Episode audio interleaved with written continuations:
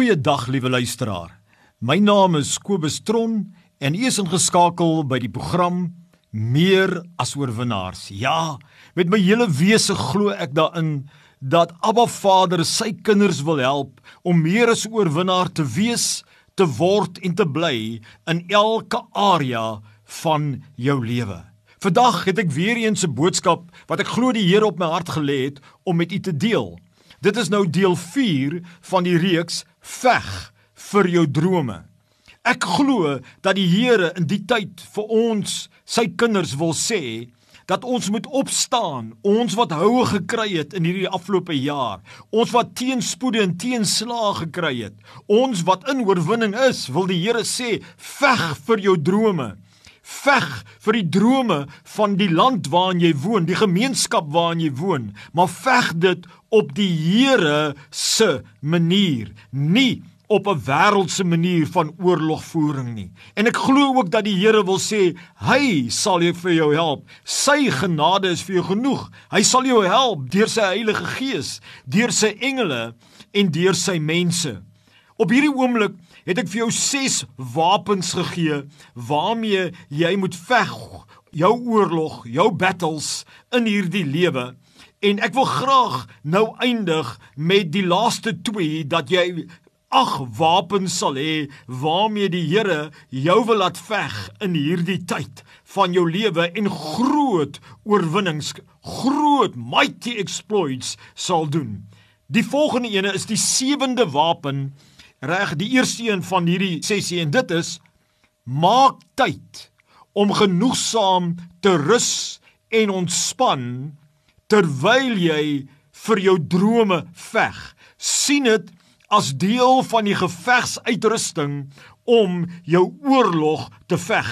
In my boek het ek dit genoem die beginsel van rus of die beginsel van rus en ontspanning of die beginsel van balans My liewe vriend, selfs die Here Jesus Christus het tyd gemaak om te rus en sy disippels eenkant geroep en gesê kom ons rus 'n bietjie voor ons voortgaan. By by baie plekke en tye het hy vir hulle gesê kom ons klim in die boot en ons gaan net diep in die water in en in die oseaan en ons gaan rus net 'n bietjie. Ons gaan net 'n bietjie afneem.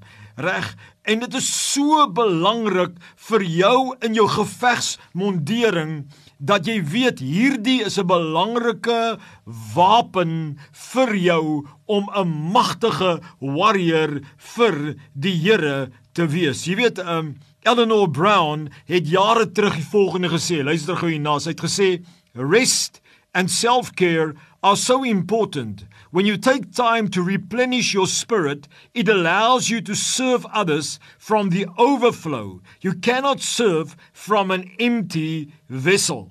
En wat 'n groot waarheid is dit nie, my liewe vriend? Wanneer ons tye neem gereeld, genoegsaam om te rus en ontspan, dan word ons kalm, dan kry God kans om ons siel te restoreer dan kom daar 'n emosionele stabiliteit en negativiteit gaan uit ons harte uit. Ons unwind, ons recharge, herlaai. Reg, en ons herlaai ons fisiese en verstandelike kapasiteit sodat ons maksimale kapasiteit kan opereer, natuurlike krag hê om te kan opereer. Dan hernie ons en ons herlaai ons geestelike krag terwyl ons rus en ontspan. Baie keer kry die Here kans om met ons te praat. Wanneer ons rus en ontspan, omdat ons kalm is, kan ons beter hoor en ons word 'n sterker soldaat wat dan kan gaan en die geveg kan gaan beklei. My vriend, maak seker dat in die midde van jou oorlog dat jy rusposes vat, dat jy jou hart uitbeklei vir dit wat God op jou hart gelê het, maar dat jy dan terugtrek, herlaai, ontspan reg en jouself verkoop in die Here en dan weer gaan teruggaan om te gaan veg. Maar dan is daar 'n laaste wapen wat so belangrik is my vriend. En dit is, ek wil dit eers in Engels sê want dit klink die mooiste in Engels. Don't quit on God's will, purposes and dreams for your life. Partymal is dit die grootste wapen wat 'n mens kan hê, my vriend, en dit is om werklik waar net aan te hou met dit wat jy tans besig is op die besmoontlike manier aan te hou om na te strewe om die drome van die Here te bereik. Aan te hou met die geopenbaarde wil van die Here aan te hou met hierdie beginsels wat die Here vir jou gee.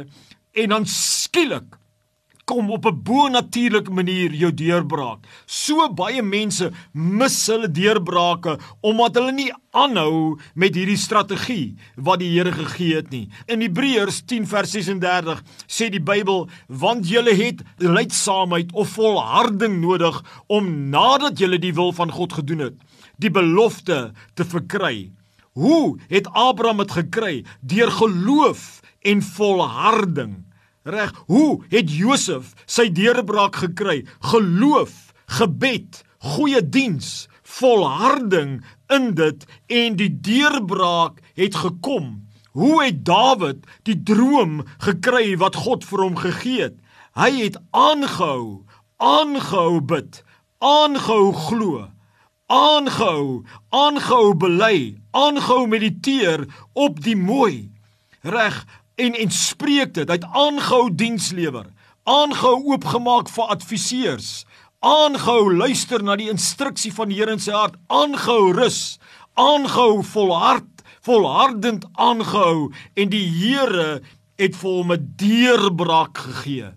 My vriend, vandag eindig ek met hierdie woorde vir jou en dan wil ek bid dat die Here vir jou krag gee staan en veg vir jou drome, veg jou oorlog, veg jou battles met geloof in God nommer 1, met nommer 2 gebed, met nommer 3 positiwiteit, met nommer 4 dienslewering, met nommer 5 beraadslaging, met nommer 6 geesgeleide instruksies, met nommer 7 rus. En met nommer 8 volhard, volhard Die deurbraak is om die draai. God se gees is met jou. God se engele veg saam met jou. God stuur mense om jou te help. God is getrou. Kom ons bid saam. Here, almagtige God. Kom Here, maak die sluise van die hemel oop en gee die vermoeides krag. Kom gee hulle wysheid. Kom gee hulle volhardingsvermoë. Gee hulle veglus, Here en help hulle om magtige oorwinnings te bekom en die drome wat U vir hulle gegee het waar te maak. Dankie Here. Ek verklaar Here oor die luisteraar nuwe krag om te veg, nuwe lewe, nuwe siel, nuwe passie. Here nuwe geloof en magtige oorwinnings in die naam bo alle name Jesus Christus. Amen.